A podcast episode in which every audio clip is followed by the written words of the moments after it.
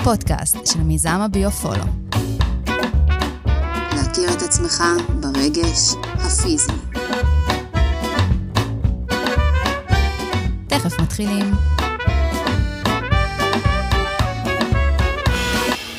פרק 21. אני יאנה מיריל, מטפלת ברפואה אלטרנטיבית, רפלקסולוגיה, שיאצו ודיקור, ומייסדת הביו-פולו. אני אלי כהן, מומחה לרגשות, אה, מייסד הביוטסט והביופולו. טוב, איזה כיף, אלי, פרק 21. נכון. מגניב לנו, נכון? לגמרי. טוב, אז הפרק הנוכחי הולך לדבר על ה... מריצוי למיצוי, אה, וממש אנחנו הולכים כאילו להסביר לכם שזה באמת הדבר שמנהל את רובנו ב- ביום-יום. אבל בואו רגע נראה קצת לעומק, נצלול אה, לעומק. אז המילה ריצוי זה כאילו אני צריכה משהו, ואני כל פעם שאני באה להשיג את זה, אני מסורבת. אני לא מצליחה לקבל את מה שאני רוצה. ואז אני כל הזמן מרגישה ופוחדת וחוששת שאני לא אקבל את כל מה שאני צריכה, ואז אני עושה פעולות שגורמות לי לוותר על עצמי. ואז הפ... הפעולות האלה מעוררות בי המון רגשות. רגשות של עצבות, רגשות של וואו, אני לא מספיק טובה. מה קורה לנו שם, אלי? זה... אז אם אנחנו נדבר מריצוי למיצוי, אז אנחנו בעצם מדברים על הריצוי. למה אנחנו משתמשים בהגדרה ריצוי? כי אנחנו תכלס עובדים בזה, ואנחנו מבזבזים את עצמנו. אם הייתי ככה מנסה להגדיר את זה ככה במשוואה פשוטה, אנחנו מבזבזים את עצמנו לדעת כדי לקבל משוב מהסביבה. מה זאת אומרת מבזבזים את עצמנו? כאילו, מבזבזים בסוג של אנרגיה? כן, לזה אתה כי אנחנו מתכוון? יודעים, אנחנו יודעים להעניק בעל כורחנו, כאילו זה נגד הרצון שלנו בסופו של דבר, בגלל זה אנחנו מתלוננים, בגלל זה זה מוגדר כריצוי וזה כאילו נחשב למשהו שלילי בסופו של דבר. יש בזה יתרונות, יש מקומות שיש בזה יתרון, כמו אצל אימא, כמו אצל אה, עובדת חרוצה, כמו... יש מקומות שזה יתרון, אבל לרוב זה מוגדר כמשהו שלילי, והמשמעות של זה שזה אני רק נותן ולא מקבל חזרה. כלומר, אני לא יודע לקבל חזרה, אני יודע רק לתת. ולכן אני מבזבז המון המון המון אנרגיה, שבסופו של דבר פוגעת בי, ולכן זה נחשב כמשהו שלילי. אוקיי, ומה זה כל הרגשות האלה שעולים לנו? כאילו, התחייה. יש פחד בבסיס, שהוא בעצם הדרייב, הוא, הוא מניע אותנו להיות מרצים. הפחד, כמו כל דבר נכון. בחיים. אבל יש בזה גם יתרונות, אני רוצה שנסתכל על זה גם באופנים חיוביים, כי שם אנחנו בעצם יכולים לשדרג את זה. אנחנו נהיה מאוד שירותיים. אם אנחנו אנשים מרצים, אז אנחנו נהיה מאוד מאוד מאוד uh, שירותיים. אז אתה אומר, כאילו, נדע גם לשייך את המקצוע המתאים לנו לאנשים נכון, נגיד אם אני שמרצים? מטפל, אז אני אהיה, אה, אני אזדהה ואני אהיה בדאגת יתר, ואני אני אהיה מטפל, אני אחשב למטפל טוב, אבל תמיד יש לזה מחירים, מהמם. מחירים מאוד גבוהים. כמו מה? אה, עייפות, תשישות, שחיקה, אה, אני לא יכול להרשות לעצמי לרדת מהלופ, אני כאילו חייב כל הזמן להיות עם יד על הדופק. ובאופן מסוים זה יכול לקחת אותי למצבים שאני כאילו אה, כל הזמן בוחן רגשית את הסביבה. שפת גוף שלהם, המבטים שלהם, כאילו כזה באיזה סוג של חרדה, מה יגידו עליי? בדיוק. אוקיי. אני בחרדה כל הזמן כל מה הזמן. יגידו עליי, ואני כל הזמן מפחד שחושבים עליי דברים לא טובים. ואז ידחו אותי וינטשו אותי ויגידו לי, תשמע, אתה מפוטר, ויגידו לי כל מיני דברים שאני מפחד, מפחד. אני מאוד מפחד שאני לא רלוונטי, שאני לא... שאני לא, אה, לא מעניין לא אף מעניין. אחד, ושאני לא מגיע לי, ואני לא ראוי, ויש לזה כל מיני רגשות שנלווים לדבר הזה. מהמם. אחד הדברים המאוד מאוד מאוד חשובים בנושא הזה, זה שאם אני מדבר הם, על, יש בעצם שני ז'אנרים, יש מריצוי למיצוי, או, הם, או ריצוי שהוא פחד מתחייה ו- ונטישה. תשמע. שם אין לי, אין לי מגבלות, אבל ב- מ- ריצוי לפיצוי, ב, ב, ב, בתוך זה, בין שני, השל... בין שני הדברים שתיארתי, יש את האגו. זאת אומרת שאני נותן, נותן, נותן, נותן, ואז מופעל טריגר שאני מתחיל להרגיש מנוצל, כאילו האגו שלי זה פתאום... המיצוי, אבל. זה כבר עכשיו אתה מדבר על המיצוי. נכון. אוקיי. אז זה בעצם, האגו מקפיץ, מקפיץ את העניין הזה של ריציתי יותר מדי, ועכשיו נבהלתי מזה שנתתי, השקעתי, השקעתי, השקעתי, ועכשיו אני כאילו מתוסכל וממורמר דרך האגו, מזה שלא קיבלתי שום דבר, ואז מגיע המיצוי, ואז אני כועס, ואז אני רב את זה, מתפוצץ, ומתפוצץ, מתפוצץ. ועושה בלאגן. והסביבה, כשהיא מסתכלת על זה, היא אומרת, רגע, הבן אדם הזה הוא טוב לב, אנחנו, אנחנו רוצים להיות בנוכחותו, כי הוא טוב לב, הוא טוב לב, הוא נדיב, הוא משקיע, והוא, והוא בנתינה מאוד טובה והכול. אז איך זה שהוא מתפלא פתאום? מה, מה קורה לו שהוא פתאום מתפלא? הוא, הוא פתאום משתנה ונעשה כזה עוין וכועס ורע ו, ויכול לעשות כל מיני דברים קיצוניים, שאנחנו אומרים, רגע, רגע, לא מדובשו ולא מעוקצו. לא רוצים את הטוב שהוא נותן, כי אחר כך אנחנו לא רוצים לחטוף ממנו את כל, ה, את כל הטירוף הזה. הקריזות האלה. בדיוק, הקריזות האלה. בדיוק. אוקיי, ואז מה, הרג... מה, מה הרגשות שבאמת עולים לנו? כאילו, סבבה, אוקיי, אז הבנתי שנתתי, נתתי, נתתי, התפוצצתי. בדרך כלל הבן אדם המרצה הוא בן אדם שנולד עם הרבה יכולות שירותיים, גם טיפולי וגם יועץ וגם דואג וגם אכפתי וגם מזדהה. יש לו עוצמה מאוד גדולה. אבל בשלב מסוים שהוא נחלש, הוא קודם כל לא יכול לחשוב על עצמו כאדם חלש. אחד החולשות של האנשים שהם מאוד מרצים, הם לא יכולים להרשות לעצמם להרגיש חלשים ולא להיראות חלשים גם בעיני הסביבה. כי שם מתקיים אגו מאוד חזק, שמחזיק אותם כל הזמן. אז ברגע שהם מרגישים שהם נחלשים, הם מפחדים שיתעלו בהם עוד יותר. או שהם מפחדים מנצלנים. זאת אומרת, יש בעולם הזה גם אנשים ש, שנוח להם ל- לקחת. לשאוב, לשאוב אנרגיה, אה, לנצל כל מיני משאבים, אבל בעיקרון, הם, הם, האנשים, רוב האנשים שנמצאים לידם הם נצלנים, כי, כי זה משרת. המרצה... מרצה. מרצה, המרצה וה- מרצה, והמנצל, כאילו, לוקח. רק לוק... הוא יודע רק יודע. לקחת, הוא לא יודע לתת, והמרצה יודע רק לתת ולא יודע לקחת. בשלב מסוים זה, זה רע, זה נהיה, זה נהיה לא טוב. זה, פ... זה הפיצוץ שאמרת מקודם, זה ממש מתפוצץ. כאילו בדיוק, כבר לא יכולים לשאת את זה. בדיוק. והבן אדם המרצה, בסופו של דבר יש בתוך זה רגשות, כמו ששאלת מקודם, זה שיש את התחושה שאני לא יכול לעמוד על, על שלי, אין לי עמוד שדרה, אני, קשה לי להחליט, קשה לי להגיד, לא, אני לא מסכים, שלום. כי ברגע שאני באתי ואמרתי, כאילו, ברגע שהמרצה בא ואמר, אני לא רוצה יותר, לא מוכן יותר ל, ל, לתנאים האלה, כי אני כבר מותש, אין לי יותר כוחות. בדרך כלל בזוגיות, יש דינמיקות כאלה שמתקיימות, שאחד מהצדדים אומר, חלאס, נמאס לי, אני לא יכול, רק אני לוקח על הגב שלי את הכל, לתת, והצד לתת, השני, לתת. בנוחיות שלו, הוא כאילו... הוא כאילו רק מקבל. לרוב הוא רק מקבל. כן, הוא נותן פה ושם, אבל לרוב אני רגיל לקחת הכל. אז יש פה גם אלמנטים של להיות בשליטה. אה, להיות במצב שאני כל הזמן צריך להרגיש קיים, ואני כאילו המרצה צריך להרגיש קיים, והוא צריך בעצם להרגיש שהוא, שהוא נוכח ושהוא, ושצריכים אותו כל הזמן, דרך זה הוא מתקיים, אז הוא בנתינה אינסופית. אין לזה גבולות. אין לזה שום גבולות, זה פשוט עד אינסוף. ויש בזה בסופו של דבר מחיר הקריסה. נכון. אז הקריסה מתקיימת בכל מיני צורות. זה יכול להיות גירושים, וזה יכול להיות אה, משבר מאוד גדול, וזה יכול להיות חולי מאוד גדול. יש לזה מחירים על, ה, על ההשקעות האינסופיות, כי זה לא מאוזן. אין בזה איזון, איך מגיעים לאיזון? נכון? איך אז, מגיעים, אה, איך מגיעים לאיזון? יאללה, את ספרי לנו איך מגיעים לאיזון. יש מגיעים- לנו את ה... יש לנו את ה...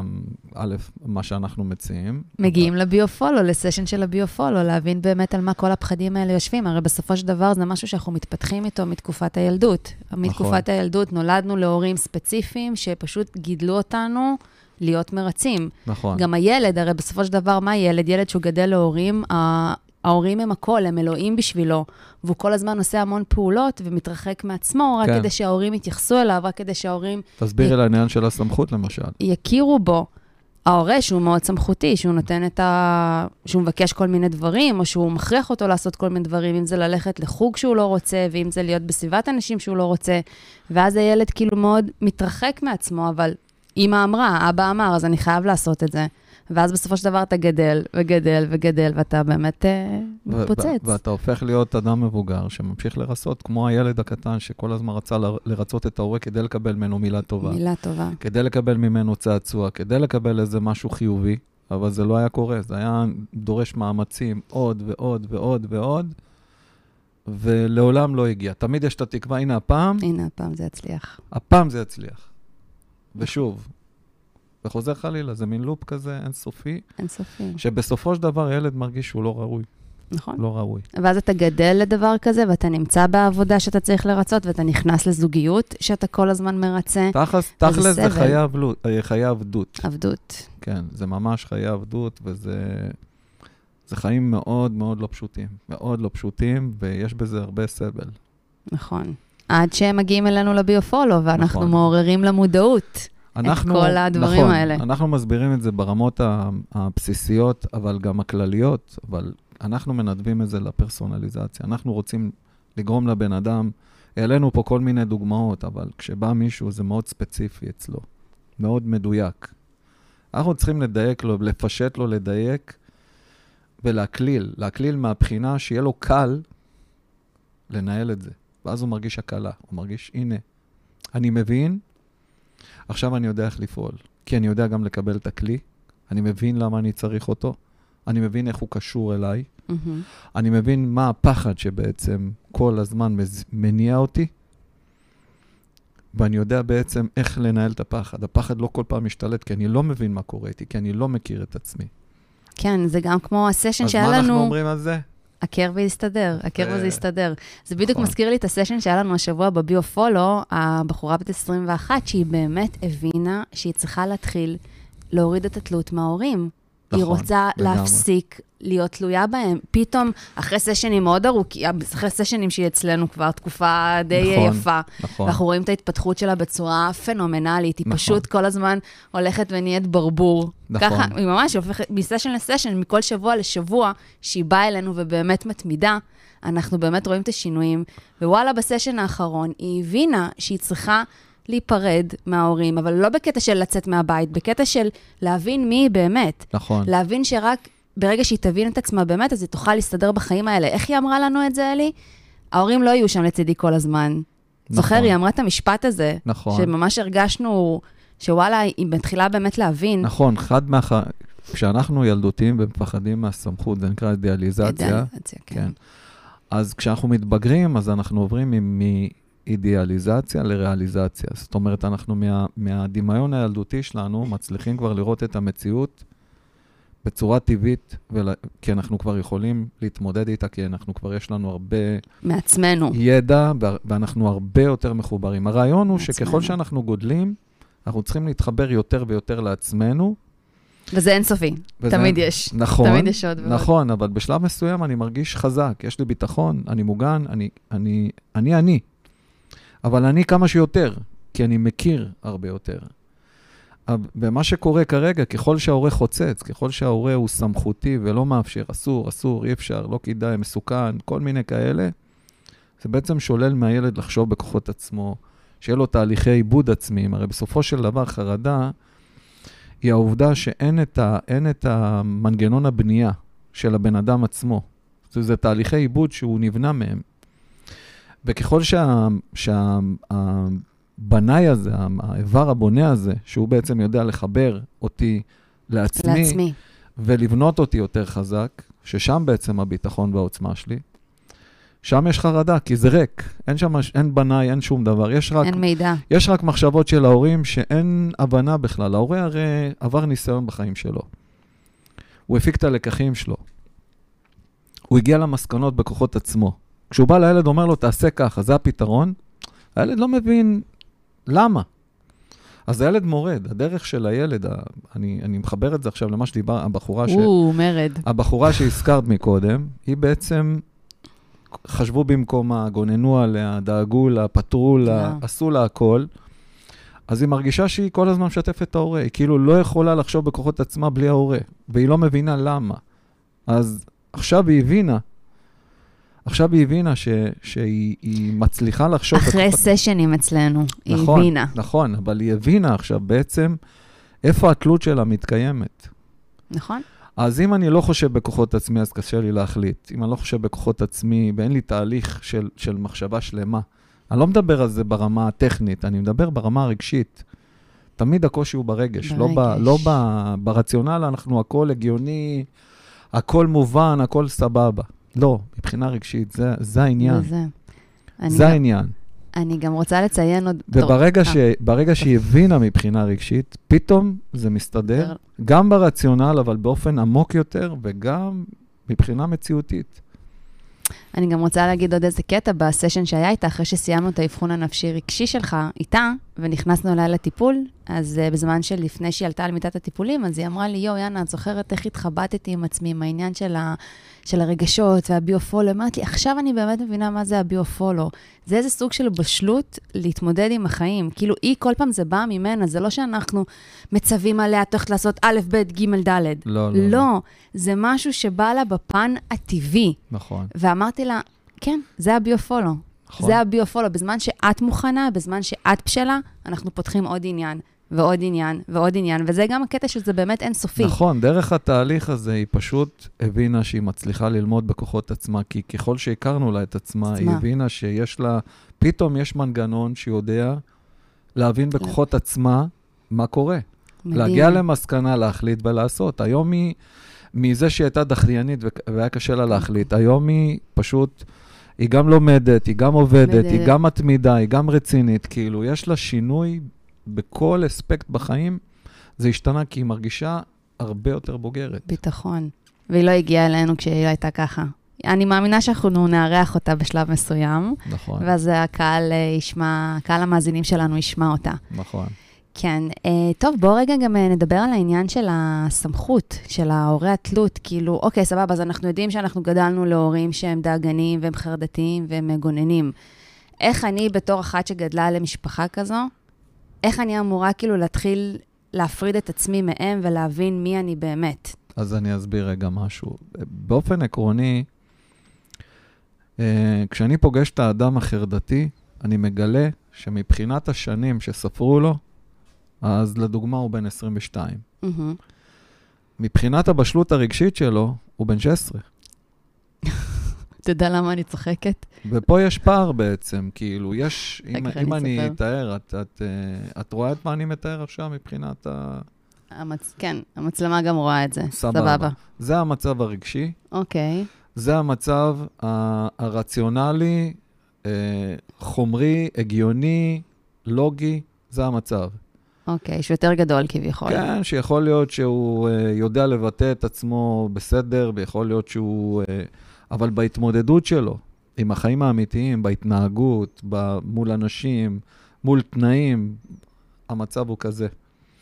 אבל זה בדרך כלל ביחסים עם אנשים עם הסמכות, בדרך כלל, שזה מייצג את ההורים, הוא מרגיש שהוא לא מצליח לקחת אחריות, הוא לא מצליח להתמודד, הוא, לא, הוא דחיין, הוא לא... נותנים לו משימות. ומה שאנחנו צריכים לעשות, זה שאנחנו בעצם מביאים אותו למצב הזה. זאת אומרת, אנחנו צריכים לצמצם את את הפער. הזה בעצם. כמה שיותר מהר, ויש לנו את הדרך והכלים לצמצם את זה כמה שיותר מהר. ברגע שזה מתחיל להשתוות, הבן אדם מרגיש עוצמה, הוא מרגיש טוב, הוא מרגיש אה, יותר ברור לו, הוא מרגיש יותר קל לו, הוא מרגיש שיש לו כלים. הכלים, בדיוק. הכלים האלה, בסופו של דבר, זה גם ההבנה וגם הביטחון שנצבר לאט ולאט, ול... כאילו, זה נצבר. נכון. כאילו, זה כל המידעים שכל פעם עולים בביוטסט בזמן שממלאים, ואז יוצא הפלט. נכון, אבל בעיקר המיקוד, בעיקר כשמבינים את העניין כרגע, מה הדומיננט כרגע שמצריך להתמקד בו, לתת את התשומת לב אליו, לתת לו את המענה באופן אה, משמעותי, שם יש את, ה, יש את השינוי, שם חל, אה, שם יש נקודת מפנה, שם פתאום קורה... מתחילים- התפנית. כן, שם- מתחילים להרגיש יותר שליטה טבעית, תפנית. מרגישים שהסביבה יותר תומכת, אה, יותר מעריכה. אבל זה בגלל שאני מרגיש ראוי, אז הסביבה... מיישרת איתי קו. נכון, הסביבה הסביבה מגיבה מתחילה- אליי פשוט. כשאני רואה את ה... מיישר קו. כשהתפיסה שלי זה שאני לא שווה ולא ראוי וכאלה, הסביבה גם מתייחסת אליי באותה מידה. כי אני, אני מגרה את זה. בדיוק. אני מייצר את הדינמיקה הזאת. וזו בדיוק מה שבאתי להגיד, זו הדינמיקה הטבעית שמשתנה. נכון, ואתה- מי שאני, מי שאני, ככה אני אחיה. בדיוק. אם אני חסר ביטחון, אז אני אחיה בפחד. אם אני בן אדם שאני אופטימי, אז אני אחיה באומץ. אם אני בן אדם אה, שאני, אה, המהות שלי, אני מדבר על המהות, התפיסה, איך אני, איך אני מתנהל ומתנהג, אוקיי? מהמם. אם אני בן אדם אה, עם שמחת חיים, אז אני אחיה בהתרגשות, אה, בשמחה, אני אתן, הסביבה תמיד תראה אותי כזה צוחק ושמח וכולי וכולי. אם אני כל הזמן במתח וסטרס, אז הסביבה תחווה אותי כועס, אני כל הזמן אהיה בזעם או בכעס. נכון. וכן הלאה וכן הלאה. טוב, בואו נדבר גם על הכאבים הפיזיים שיש לה בדרך כלל לאנשים מרצים. הדבר שבאמת הכי שכיח בקליניקה, כשבאים אלינו, זה אנשים שתמיד מכופף, מכופפים כאלה. הגב, זה המון כאבים בגב העליון, שהם מאוד מכופפים, גם זה מה שאנחנו תמיד מטפלים בהם, שאנחנו עושים להם את הדיקור, שאני עושה להם את הדיקור ואת השיאצו באזור הזה כדי ליישר, כדי לפתוח להם את, ה- את האזור של הכתפיים. למה דווקא הכאבים הם שם? למה כאילו אני מרגיש, שבזמן שאני מרצה ונותן ונותן ונותן, אז המצוקה, המצוקה מתבטאת בק... ב... נכון. בגב העליון.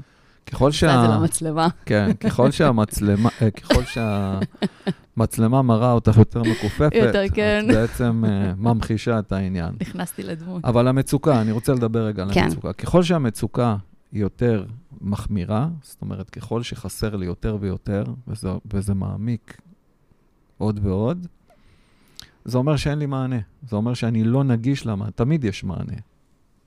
תמיד אפשר למלא את החוסר. זה תלוי בנגישות שלי, תלוי ביכולת שלי להגיע ולהנגיש את עצמי למענה שימלא את החוסר. מה אני צריך עכשיו? אז בגדול, אם אני לא ראוי, אז אני לא נגיש. אני מרגיש את מה שיש. אני לא ראוי, אז אני לא נגיש. אני לא אגיע למענה. ואני כן אגיע למענים, אבל זה לא יתאים, זה לא יסתדר, זה לא, זה לא יפרוץ, זה לא, זה לא יעבור. כי אני כל הזמן הולך ב, בכיוון הלא נכון, כי אני חושב לא נכון. זה לא כי אני מחליט לחשוב לא נכון. זה כי זה הדינמיקה. הרעיון הוא כשאני אכיר וינתח ויפרק את העניין באופן פרסונלי, שם אני אוכל לשחרר את החסמים האלה. שם אני אוכל לפתוח את הדרך, אני אהיה נגיש. ואז, הופה, פתאום אני מרגיש טוב עם עצמי והכל בסדר. וגם הגב פתאום... אה, נכון, אבל מה שקורה בעצם, זה כשאני אחבר את העניין הנפשי, כן? זה החוסר תקשורת מבחינת איבר בגוף שסובל עכשיו, שיש לו קושי, אוקיי? והקושי הזה הוא בעצם אה, כאב גדול. הכאב מספר לי, אמרנו שההרגשה מנתבת, אה, מנחה אותי למצב הפיזי או הנפשי שאני נמצא בו, ושם בעצם אני יכול לקבל את המענה. אוקיי, שזה הקט- הקטע של נכון, הכאב... אה, נכון, ואז כשאנחנו כאב גב. נכנסים לטיפול. בעצם. כשאנחנו מבינים את. החסימה הנפשית, אנחנו גם מבינים את החסימה הפיזית, ששם, משם נובע הכאב. רצו להדגיש שלא תמיד גם אנשים מרגישים באונליין את הכאב. נכון, הם יכולים, לה, נכון. הם יכולים להרגיש אותו לפעמים, ויכולים גם לא לזהות את זה שהוא תכף קורה. אנחנו גם יכולים לזהות את זה. לפני שזה קורה. כלומר, אנחנו יכולים גם לנבא שתכף יכאב במקום מסוים. אז באופן עקרוני, ברגע שעשינו את הטיפול המונע, אז מנענו את הכאב מלהגיע. אבל זה בסך הכל חסימה תקשורתית שנמצאת בפיזי. אז כשאנחנו מזהים את זה, את בעצם נכנסת איתו לקליניקה, ושם את מבצעת את הטיפול. נכון, שזה... או רפלקסולוגיה, או דיקור, או שיאצו. או שיאצו. לא, בדרך כלל במצבים כאלה זה שיאצו ודיקור. אז או שצריך את זה רך, אם צריך uh, לחבר, או שצריך את זה חזק כדי לנתק. כשיש עומס יתר, צריך לנתק, כאילו לרווח. וכשזה כשזה נוקשה מדי, צריך לרכך. צריך ל, ל, ל, כאילו, כשזה מחובר חזק מדי, צריך לרכך. מהמם. אז אנחנו, אנחנו מבררים פשוט איך, איך להנגיש את אופן הטיפול. המצוקה, כי יש אזור אחד שיש לו מה להעניק לאזור אחר, והתקשורת חסומה, ולכן הכאב מתחיל, ל- ל- הוא מגיע, כי הוא מדווח על, על הקושי, ואז בעצם אנחנו אמורים אה, לפתור את זה בדרך הטיפול. אני אזהה את זה בממד הנפשי, ואתן את הכלי, ואת ידע בדיוק. תקבלי את, ה, תקבלי בדיוק. את ההבנה לגבי, ואת תפתרי את זה בממד הפיזי. בדיוק איפה לעשות. טוב, מאזינים יקרים, הבנתם מה אנחנו עושים בביופולו? לגמרי. הבנתם את הפשטות של הטיפול?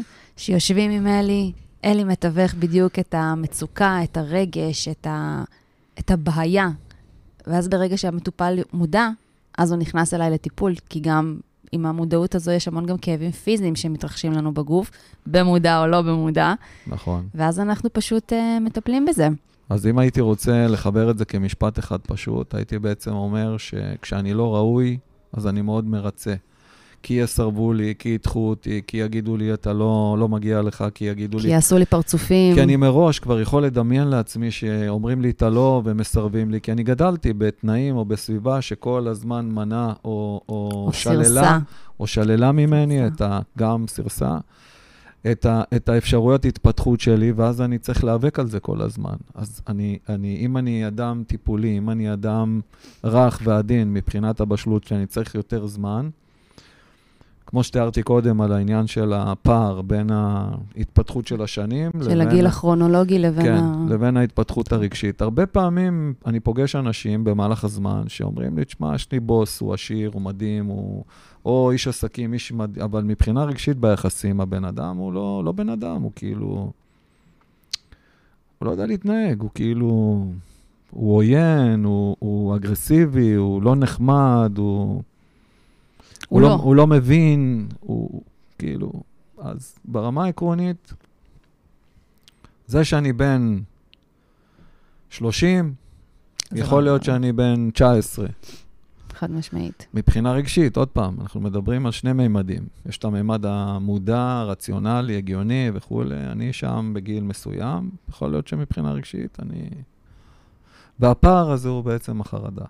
כן, וזה הר... בסופו של דבר מה שבאמת מנהל אותנו, הרגשות. נכון. הרגשות, הרגשות, הרשות, וזה פשוט מגניב שאנחנו יוצאים עם המידעים האלה ופותחים את זה לעולם. אתה יודע, ככל שאני, אני רואה את זה גם ב, בהתנהלות שלי במדיה, ככל שאני באמת משתפת ומסבירה על העניין של הרגשות, פתאום אנשים באמת מתחילים להבין דברים על עצמם, הם רושמים לי, הם רושמים לי כאילו על הידע הזה, שזה נזכר- משהו שהוא לא מובן. נכון, נזכרתי שאחד ה, אחד מה... אה, אחת מהמטופלות שביקשה מאיתנו ואמרה, כאילו, אם אתם יכולים להסביר טוב בה מבחינת ריצוי, תסבירו גם את האלמנט, עכשיו אני אסביר אותו. אז הנה, זה במיוחד בשבילך. אה, במיוחד בשבילך. זה, זה אלמנט של השתתקות. כשאני נמצא, נגיד כש, כשמישהו בא מולי, והוא טיפה אה, מאיים, הוא טיפה רציני, הוא כאילו, מישהו, זה יכול להיות עם סמכות, אבל זה גם יכול להיות עם כל מיני דמויות במשפחה שהן חשובות לנו. שבעצם אני, אני אה, כאילו דמויות חשובות כשאני כמו אימא ואבא? גם, אבל זה יכול להיות אחים, וזה יכול להיות uh, דודים, וזה יכול להיות כל מיני דברים. יש שלושה אלמנטים שאנחנו פועלים אותם כשאנחנו אנשים מרצים. זה, אחד, זה שאנחנו משתתקים. אין לנו את היכולת באונליין להגיד שום דבר. פעולה שנייה, אנחנו עוברים לטייס אוטומטי, אנחנו נגיד דברים שגרתיים שלא קשורים, שבדיעבד נחזור לעצמנו, נגיד, רגע, למה אמרתי את השטויות האלה? מה, מה סתם דיברתי? כאילו, מה... למה לא עניתי ולא אמרתי את, ה, את הדבר החשוב הזה והזה שרציתי והזה? להגיד. שרציתי להגיד, למה כן. אמרתי את זה? למה אמרתי את זה בדיליי? כן, בדיוק. והפעולה השלישית זה לברוח, להסתלק, פשוט להתפייד. ולסלק גם, לא? גם לסלק וגם לברוח. כאילו, גם כאילו להעיף. נכון, אבל בעיקרון אני, אני לא יכול להיות נוכח, ב, ב, אני נורא לחוץ מה, מה, מהסיטואציה, ואני חייב לעוף ממנה. שהיא, שהיא תפסיק להתקיים. אז או שאני מסלק, או שאני מסתלק. אז אני אעשה את זה בריב, אני אעשה את זה בכוחניות, במרדנות, בפעולה כזאת. ואחד התסכולים הגדולים של אנשים שהם כאילו, נגיד אם הם בעלי עסק, או נגיד שהם משמעותיים, שהם רוצים כאילו להתקדם, או שהם במקום טוב, הם די, הם די סובלים מהעובדה שהם לא הגיבו באונליין. לא ביטאו, לא ביטאו את הרגשות שלהם באותו לא- רגע. לא ביטאו את הרגשות באותו רגע. זה ביטוי רגשות וזה, גם. וזה מאוד מאוד מתסכל אותם. ודרך התהליך, הם לומדים לאט-לאט להבין מה הם צריכים. זה נקרא הכנות מנטליות לקראת סיטואציה, שמתרגלים אותה באופן יזום, ולאט לאט זה קורה, זה הופך להיות אוטומט גם בסיטואציות שהם לא, לא צריכים יותר הכנות. זאת בדיוק. אומרת, התרגול הוא הכנות, ואחר כך הם כבר יודעים להגיב. הם יודעים להגיד מה הם רוצים, מה הם חושבים, והם כאילו לומדים לעמוד על שלהם, והם מגלים שהסביבה, זה נראה לה טבעי. נכון. שזה לא, לא- כזה מפחיד כמו שהם חשבו. שזה לא בדיוק, כזה מפחיד, זה לא כזה יא בלולו. כמו שהם בדיוק. חשבו. קודם הם חשבו שזה היה בלולו. בדיוק. הם חשבו שהם עכשיו צריכים לעלות לאברסט, לעבר... לרדת, לעלות ולרדת תוך כמה דקות, כמה פעמים, שזה משהו שהוא בלתי אפשרי. כן, זה, זה הביטחון שאתה מייצר איתם נכון. מסש... וזה- מסשן. וזה הפעולה הזאת. ברגע שהפעולה הזאת מתקיימת, טאק. הם מרגישים בנוח. פתאום זה נראה להם טבעי להגיד לא, אני לא מוכן. כי המרצה לא מסוגל להגיד לא. לא, נכון. הוא לא יודע מה... הוא, הוא הוא, לא. הוא שומע את המילה לא, אבל הוא לא מבין איך משתמשים בדבר הזה. הוא פשוט לא יודע איך עושים את זה. אז הוא תמיד מרצה, או שהוא עושה מניפולציה, ואם לא בא לו, אז הוא, הוא יימנע. בכל מקרה ייגרם נזק, או שהוא יבריז, או שהוא, כאילו, הוא יעשה פעולות שהסביבה תגיד, בואנה, אתה לא רציני, אתה, מה, מה, כאילו, או שהוא ישקר, או שהוא ישתמש בכל מיני כלים של חוסר כנות, והוא לא מביא את האמת שלו. והוא כל הזמן יהיה מתוסכל, כי הסביבה לא תעניק לו, ואז זה מצדיק את המעגל, אני לא ראוי. אני לא. בגלל זה אני לא ראוי. כי אין לו את היכולת לבוא עם האמת שלו, שזה בעצם החיים הכי טובים. כן. ככה משיגים הכנות. את הדברים כמה שיותר בחיים, כשאני בא עם האמת שלי, כשאני בא בכנות שלי. נכון. בריצוי, זה מאוד מפחיד. כי אז אה, יגידו לי, יסלקו אותי, ידחו אותי, ינטשו אותי, יעשו לי פרצופים. יעיפו אותי, ואז אני כל הזמן בודק את המצבים הרגשיים של האדם שמולי. כל הזמן אני עושה את זה. למה הוא אמר, ולמה, אז אני מאוד פגיע, וגם אם הוא לא אמר, זה ייראה בפניו שהוא אמר והוא עשה פרצוף. נכון? זה כאילו ממש מדמיין לעצמו, כן, בראש. והמחשבות הן קיצוניות. כאילו, הנה, הבוס שלי עכשיו יסתכל עליי בזה, לא כי הוא רב עכשיו אם הוא יצא מישיבה ורב עם מישהו, הוא, הוא, הוא רוצה לפטר אותי, בגלל. זה הוא יסתכל עליי. אני, אני, אני אשם. עכשיו, בעוד, אה, עוד שבוע אני צריך לדבר איתך על איזה, כאילו, יש, אה, הבוס אומר, סמכות אפרופו, עוד שבוע אני צריך לדבר איתך על משהו. שבוע ימים אני אסתובב כמו אה, סהרורי, ואני לא אתפקד, כי מה הוא הולך להגיד לי? הוא בטח רוצה לפטר אותי. הוא בטח אומר לי, תשמע, אתה לא שווה כלום, לך מפה. לך מפה. כן. זה קורה בזוגיות, שהאישה אומרת, טוב, אה, בערב נדבר על משהו. מת העולם. אוי ואבוי, כאילו. וכולי וכולי. לגמרי, לגמרי. טוב, אה, מאזינים יקרים, אה, אני מקווה מאוד שהבנתם את העניין של הריצוי והמיצוי, עד כמה זה באמת אה, מנהל, מנהל אותנו הרבה, כל העניין הזה. וגם אני מקווה שאתם מבינים שבאמת בביופולו יש את, הכלים ואת ההבנות כדי לאזן את זה וכדי להבין מי אתם באמת, כדי שלא תהיו מרוקנים וכדי שלא תחשבו שאתם נותנים, נותנים, נותנים ולא מקבלים. כאילו, כן, יש את הדרך להבין את זה, להבין מי אתם באמת, כאילו, את הכנות האמיתית שלכם. אלי, אתה רוצה להוסיף עוד משהו? אה, לא, נראה לי שנתנו זה על, כמובן על קצה המזלג. אבל ממש על קצה המזלג. כשתבואו אלינו, יהיה לכם הרבה יותר אינפורמציה. נכון. והיא תהיה, היא תהיה אישית שלכם. פרסונלית כן. ואישית, מותאמת תהיה עבור- מדויקת עבורכם, אתם תבינו בדיוק. לגמרי. טוב, יאללה, חברים ומאזינים יקרים, אנחנו נתראה בפרק הבא, בפרק 22. מקווה שנהנתם, כי אנחנו כן. אה, תודה, אלי, תודה רבה. תודה. אז תודה שהייתם איתנו. כמובן שתוכלו למצוא אותנו גם במדיה החברתית, בפייסבוק ובאינסטגרם, ביופולו באנגלית, ובאתר אינטרנט שלנו www.biofolo.co.il.